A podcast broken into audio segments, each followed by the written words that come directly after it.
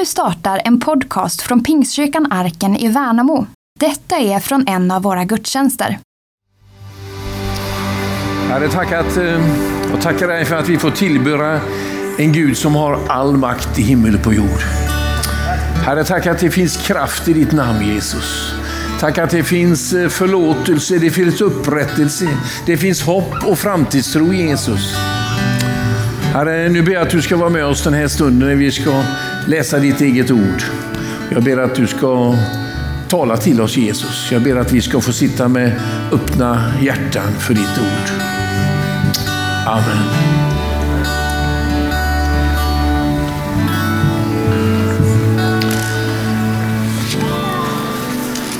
Jag skulle vilja tala lite om att våga.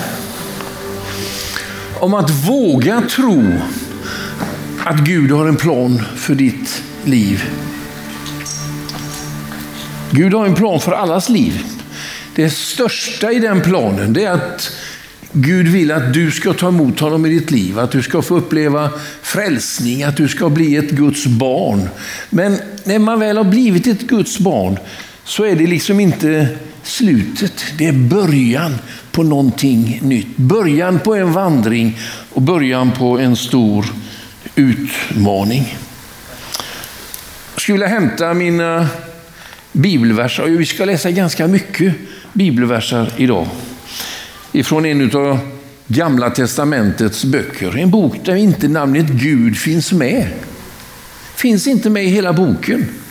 Ändå så talar den så mycket om Gud och vad Gud vill. I den här boken så finns det en del huvudpersoner i ett drama som enkelt skulle kunna bli ett bra underlag för en riktigt bra film. Den har liksom allt. En av huvudpersonerna är en kung. Han heter kung Arsveros. Han regerade i ett av historiens mäktigaste rike. Han var kung i ett område som sträckte sig från Asien, ända från Indien, genom hela Asien, Mellanöstern och till Afrikas horn, till Etiopien och de länderna runt omkring. Ett enormt rike. Hans ord var lag och det visste han om. En dag så kallade han ihop till en fest. Och längden på festen säger väl någonting om hans position. Festen skulle vara i 60 dagar, drygt två månader. Under den här festen så kallar han in sin fru, drottningen. Man får nog säga en av fruarna. Men den som var drottning i landet. Och hon skulle komma in och hon skulle då dansa och hon skulle förnöja eh, alla de här mäktiga männen som var med på den här festen. Men hon ställde inte upp på det. Hon vägrade komma. Hon vägrade att vara det här lilla kuttersmycket i kung Veros stora galleri. Och han blir naturligtvis vansinnig. Och hon eh, är inte längre drottning i landet, utan hon tappar sin drottningstitel. Istället så utlyser han en skönhetstävling för att få en ny drottning. Och man skulle välja det landets vackraste kvinna. Och då kommer huvudperson nummer två in i den här berättelsen. Och det är en ung tjej, en judinna. Hon är ungefär 18 år gammal, heter Hadessa. Och um, Hadessa hon är föräldralös och bor i landet eftersom judarna var där i, i fångenskap. Och, um, I historien så brukar judarna kalla henne för världens vackraste kvinna. Så när den här skönhetstävlingen har pågått och man har samlat ihop massa kandidater och alla har drömt om fred på jorden, som ju de brukar göra. Ja, det vet jag inte. Men eh, det slutar i alla fall med att hon vinner. Hon blir utsedd till den som ska få bli kungens nya drottning. 18 år gammal, en judinna. Men hon hade inte talat om sitt ursprung. Hon hade inte talat om att hon var judinna. Är det ett av de folkslag som var fångar i landet? Den tredje stora personligheten i det här dramat är en man som heter Mordokaj. Och Mordokaj, han är hjälten i berättelsen kan man säga. Med all rätt. Han hade kommit som fånge till Jerusalem när det babyloniska riket var, var det stora riket och sen kom andra riken och tog över. Men att redan då kom han som fånge till, från Jerusalem och, och var alltså fången här i, i Babel. Han var egentligen kusin med Hadessa, som också kallas då, Hadessa kallas ju senare för Ester. De var kusiner, men eftersom Ester var föräldralös så hade han tagit ansvaret för sin kusin och var hennes målsman kan man säga. Han svarade för hennes säkerhet, men han gav henne också tron. Tron på himmelens och jordens skapare. Tron på den Gud man hade tillbrett i Jerusalem innan man blev tagna som fångar och som hade följt med in i fångenskapet, som hade följt med in i svårigheterna, som hade följt med in i alla de prövningar som Mordecai hade levt under alla åren.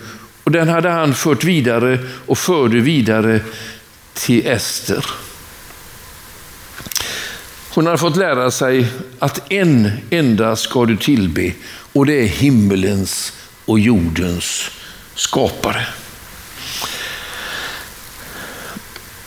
Dramats onda figur är en som heter Haman. Och Haman han kan närmast liknas vid den här tidens Hitler.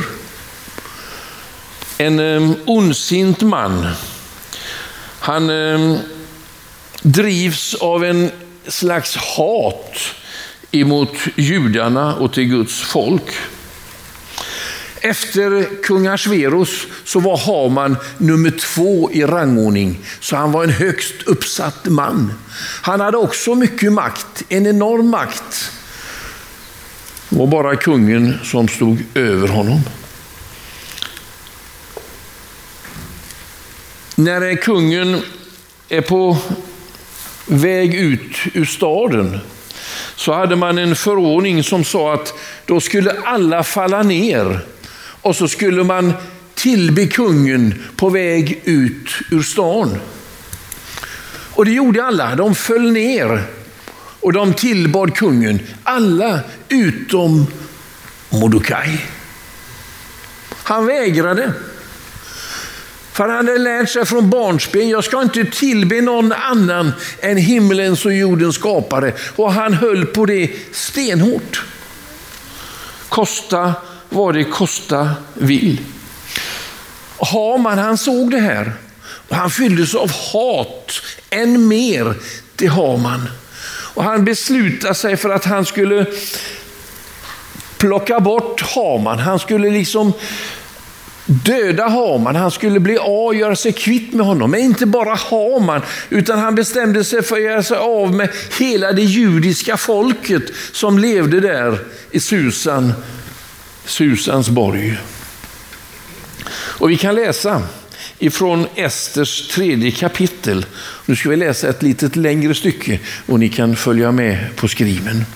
Haman sa till, Ash, till kung Ahasveros det finns ett folk som bor utspritt och skingrat bland de andra folken i ditt rikes alla provinser. Deras lagar är olika alla andra folks lagar och de följer inte kungens lagar.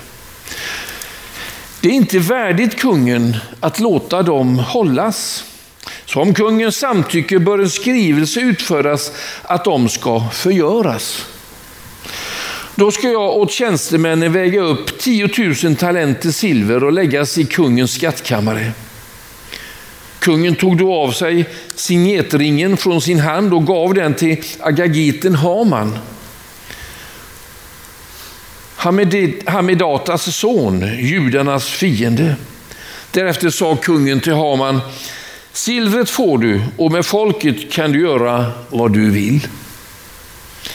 På trettonde dagen i första månaden tillkallade kungen skrivare och en skrivelse utfärdades helt enligt Hamans befallning till kungens satraper och ståthållare över varje provins och till alla furstar över varje folk.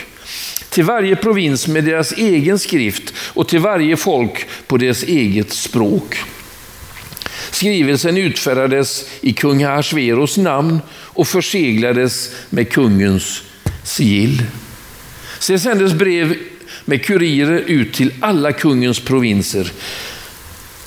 Att man skulle utrota, döda och förgöra alla judar, unga och gamla, barn och kvinnor, alla på en och samma dag. Nämligen den trettonde dagen i tolfte månaden, månaden Adar. Och att deras egendom skulle tas som byte. En avskrift av skrivelsen skulle kungöras som förordning i varje provins, så att alla folk skulle vara beredda den, dag, beredda den dagen. På kungens befallning skyndade kurirerna iväg och så snart förordningen hade utfärdats i Susas borg, kungen och Haman satte sig för att dricka, men i staden Susa rådde bestörtning. Ja, det är nästan som man känner igen tankarna från andra världskriget. Det här var Hamans plan. När nyheten nådde Mordokaj, den här som judiske mannen, kusinen till Ester, vår berättelses stora hjälte, så står det att han rev sönder sina kläder och han klädde sig säck och aska och han började be, han började ropa till himlens Gud. Den Gud han hade lärt sig att tillbe sedan barnsben. I kapitel 4, lite längre bak i kapitlet, eller i boken, så har Ester fått höra att Mordecai gick på stadens gator klädd i säck och aska. Och så skickar hon en budbärare ut till Mordecai för att få höra varför. Varför går du omkring i säck och aska? Varför är du så sorgsen, Mordecai? Och så berättar han och beskriver Hamans planer. Hur han hade duperat kungen och han har fått en kunglig skrivelse skickat ut om den slutliga förintelsen. Så när nyheten når Ester så skickar hon ett svar till Mordokaj och hon säger så här. Då talade Ester till Hatak och befallde honom att gå till Mordokaj och säga alla kungens tjänare och folket i kungens provinser vet att om någon man eller kvinna går in till kungen på den inre borggården utan att vara kallad så gäller endast en lag. Han dödas. Om inte kungen räcker ut guldspiran mot honom och låter honom leva. Och jag har inte varit kallad till kungen på 30 dagar. När Mordecai hade fått höra Hamans planer så ber han Ester, som nu alltså var drottning, att gå in till kungen och på något sätt vädja om nåd för sitt folk. Och då svarar alltså Ester så här, det är omöjlighet. För att den mäktiga Asveros, han dödar var och en som kommer inför honom utan att ha fått audiens. Och jag har inte varit kallad till kungen på 30 dagar. Mordecai han fattar pennan med en gång och han skriver ett svar till Ester. Och han säger så här. När man berättade för Mordecai vad Ester hade sagt sa Mordecai att han skulle ge Ester detta svar. Tro inte att du ensam av alla ska, judar ska komma undan för att du är i kungens hus.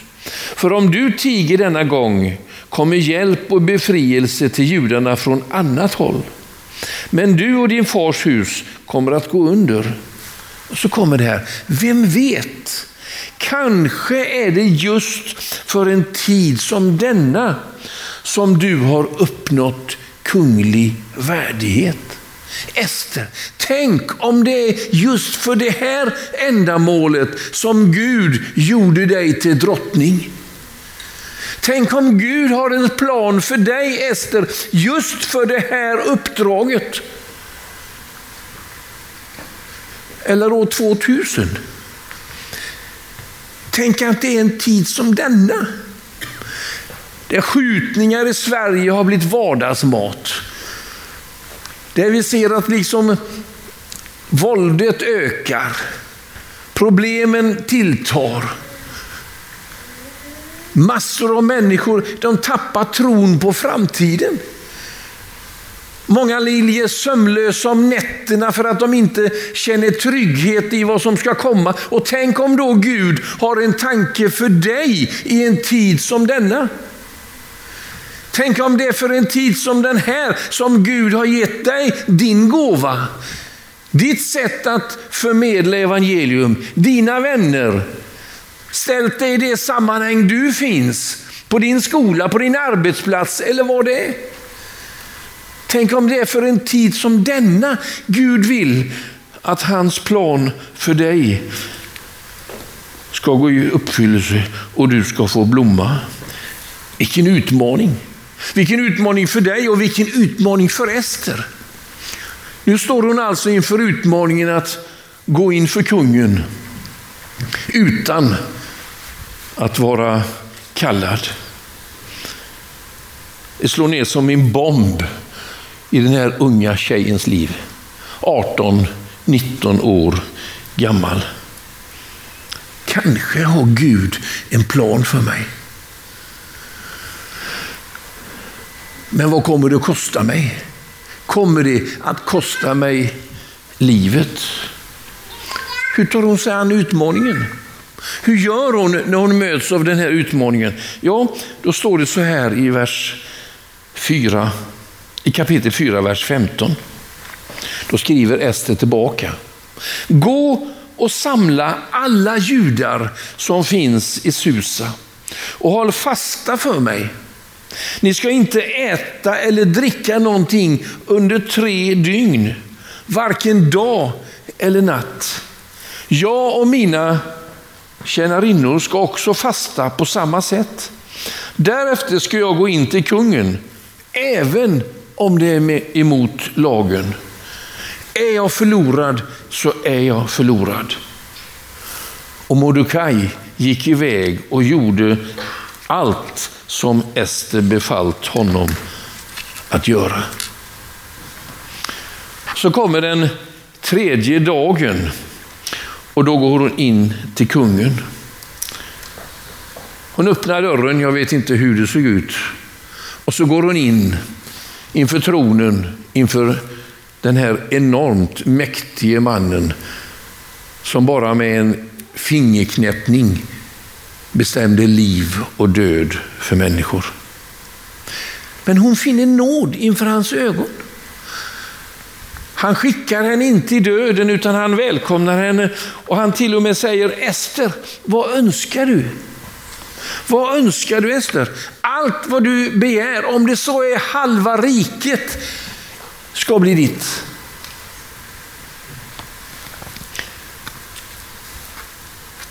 Då säger hon att endast en önskan hade hon och det var det om det behagade kungen så skulle han och hans närmste man Haman komma på en bjudning för bara dem som Ester skulle förbereda. Nästa dag, kungen tackar ja. Haman hade inget val. Så nästa dag så kommer man. Han kommer till en fest hos Ester. Och under festen så får hon precis samma erbjudande som innan. innan. Ester, önska dig allt du vill. Om det är så halva riket så ska det bli ditt.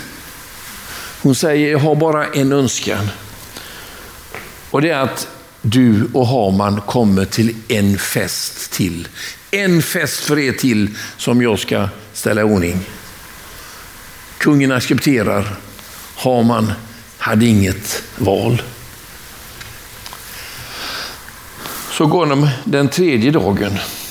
Och jag kan se hur Haman riktigt njuter av att få sola sig i kungens i solen ifrån kungen. Han trivs som fisken i vattnet. Han kände sig utvald bland alla andra. Han njuter av planerna som nu är närmre än någonsin att förverkligas. Dagen då Mordokaj och hans folk ska förintas. Och så kommer man till Esters fest, till drottningens fest. Det står att på vägen ut ur palatset så ser han Mordokaj som inte rör en fena när han och kungen kommer, utan fortfarande vägrar att tillbe någon annan än himlens och jordens skapare.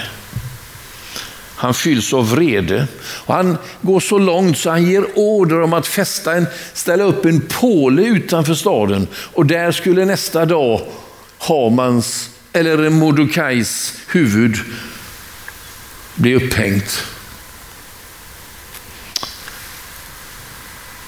Men det finns en som är mäktigare än både Ashverus, Haman, Hitler och alla andra. Det finns en som är historiens Gud. En Gud som kallar dig, en Gud som kallar mig till att kanske är det för en tid som den här som Gud har ställt dig där du är. Guds vägar brukar vi ibland säga, de är outgrundliga. Det är svårt att fatta ibland hur Gud tänker. Och det är som om man väntar in i det sista med bönesvar. Och det här dramat får en märklig vändning. Kungen kan inte sova. Han eh, ligger rastlös i sin säng och slänger sig fram och tillbaka. Så istället för att sova så ber han sig upp och så begär han att en av hans tjänare ska börja läsa ur krönikorna. Det som har hänt i landets historia de närmsta åren. Och så läser han. Och han läser om en som heter Mordokaj som hade räddat kung Asverus ifrån en sammansvärjning som skulle ha kostat honom och riket makten. Och han frågar, vad har hänt med Mordokaj? Vilken ära har han fått för allt det som har hänt? Och den här tjänaren säger, nej, ingenting. Så han beslutar att det där måste vi göra någonting åt.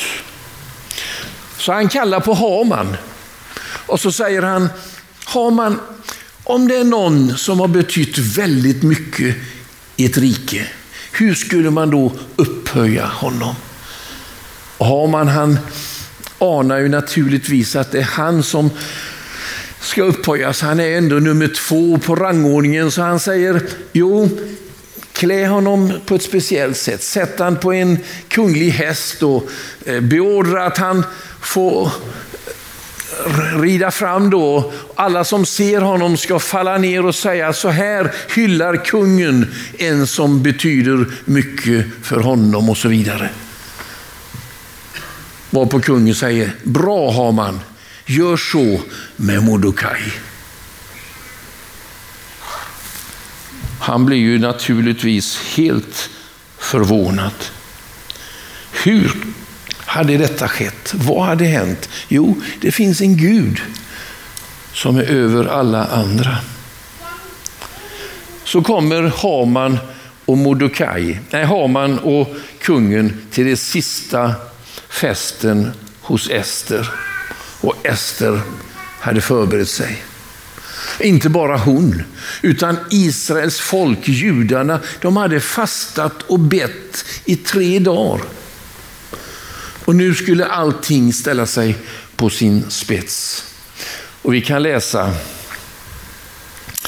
eh, från kapitel 7 och det tredje versen. Återigen så säger kungen Ester, vad önskar du dig? Allt du önskar det kan du få om det så är halva riket. Då svarar Ester så här.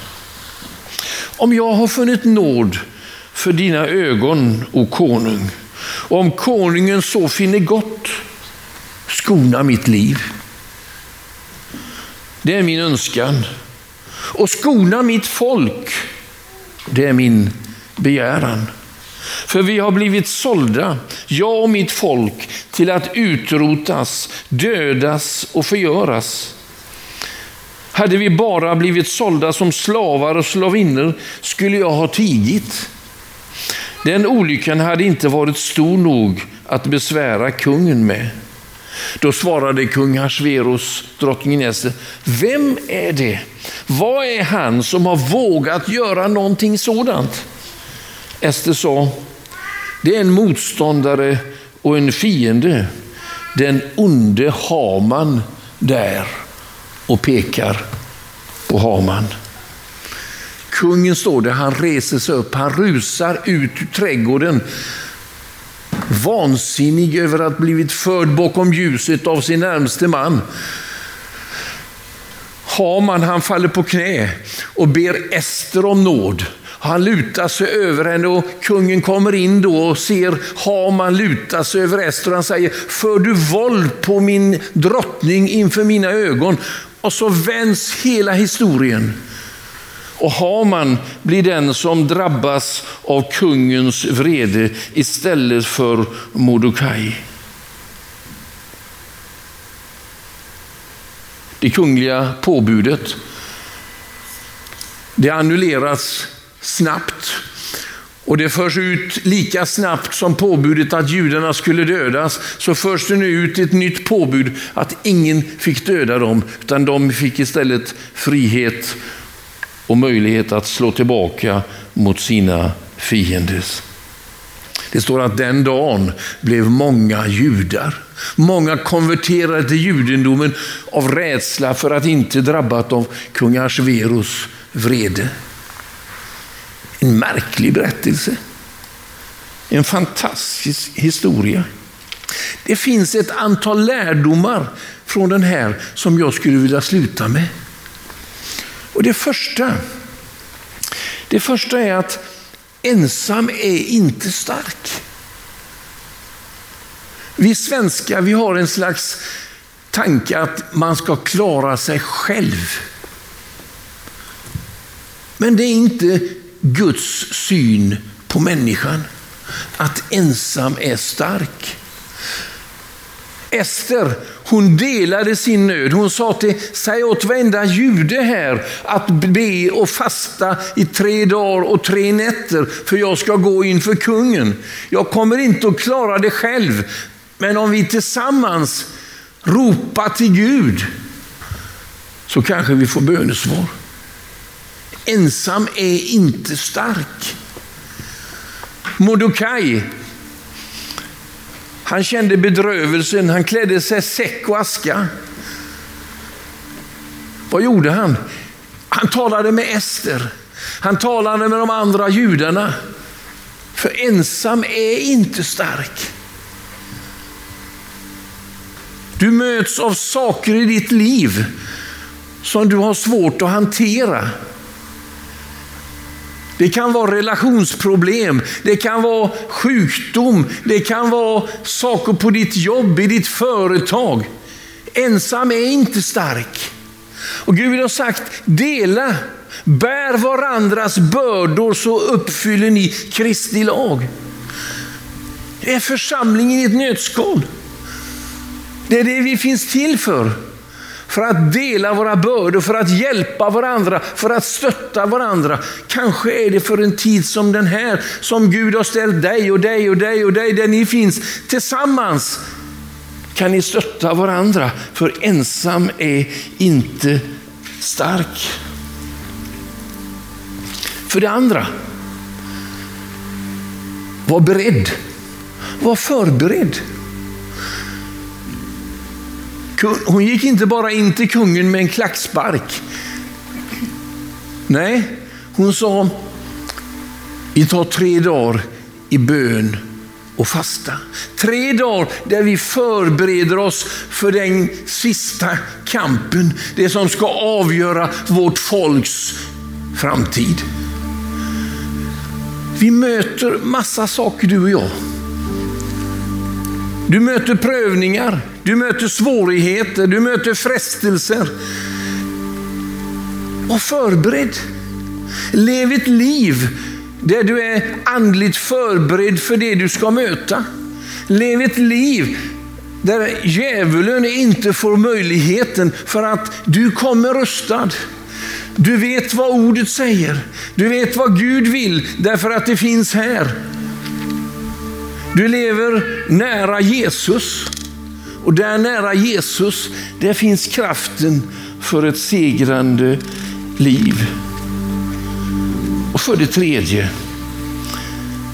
för det tredje, kanske är det för en tid som den här som Gud har ställt dig som drottning, sa han till Ester. Förväntas dig att Gud har en plan för ditt liv. Förvänta dig och tro och våga säga ja till att Gud vill att du ska betyda något i din familj, i din skolklass, på ditt jobb, för Värnamo. Förvänta dig att Gud ska använda dig det är inte en slump att du är där du är. Det är inte en slump att du finns i det sammanhang du finns. När Gud har en plan, en tanke med ditt liv. Våga säga ja. Våga göra som Ester. Sätta allt på spel för att rädda ett folk. Våga sätta någonting på spel för att rädda den här stan. Våga tro att Gud vill och kan använda dig. Ja, men jag kan ingenting. Ester var en föräldralös tjej på 18-19 år. Hon räddade ett helt folk. Gud har en plan för dig. Gud har en tanke med dig. Våga säga ja till den och börja tala tro till människor. Jesus, jag ber för oss som är samlade den här eftermiddagen i Pingstkyrkan Arken. Du vet var vi finns. Du har placerat oss på olika ställen i livet.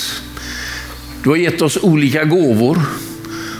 Olika personliga gåvor och läggning, men också olika andliga gåvor. Och Herre, jag ber dig att du skulle Ge oss modet att våga säga ja. Våga säga ja till att du vill använda oss precis där vi står. I det sammanhang vi finns, där du har placerat oss. Tack för Ester och tack för människor i Värnamo som vågar säga ja till att bli använd av dig. Amen.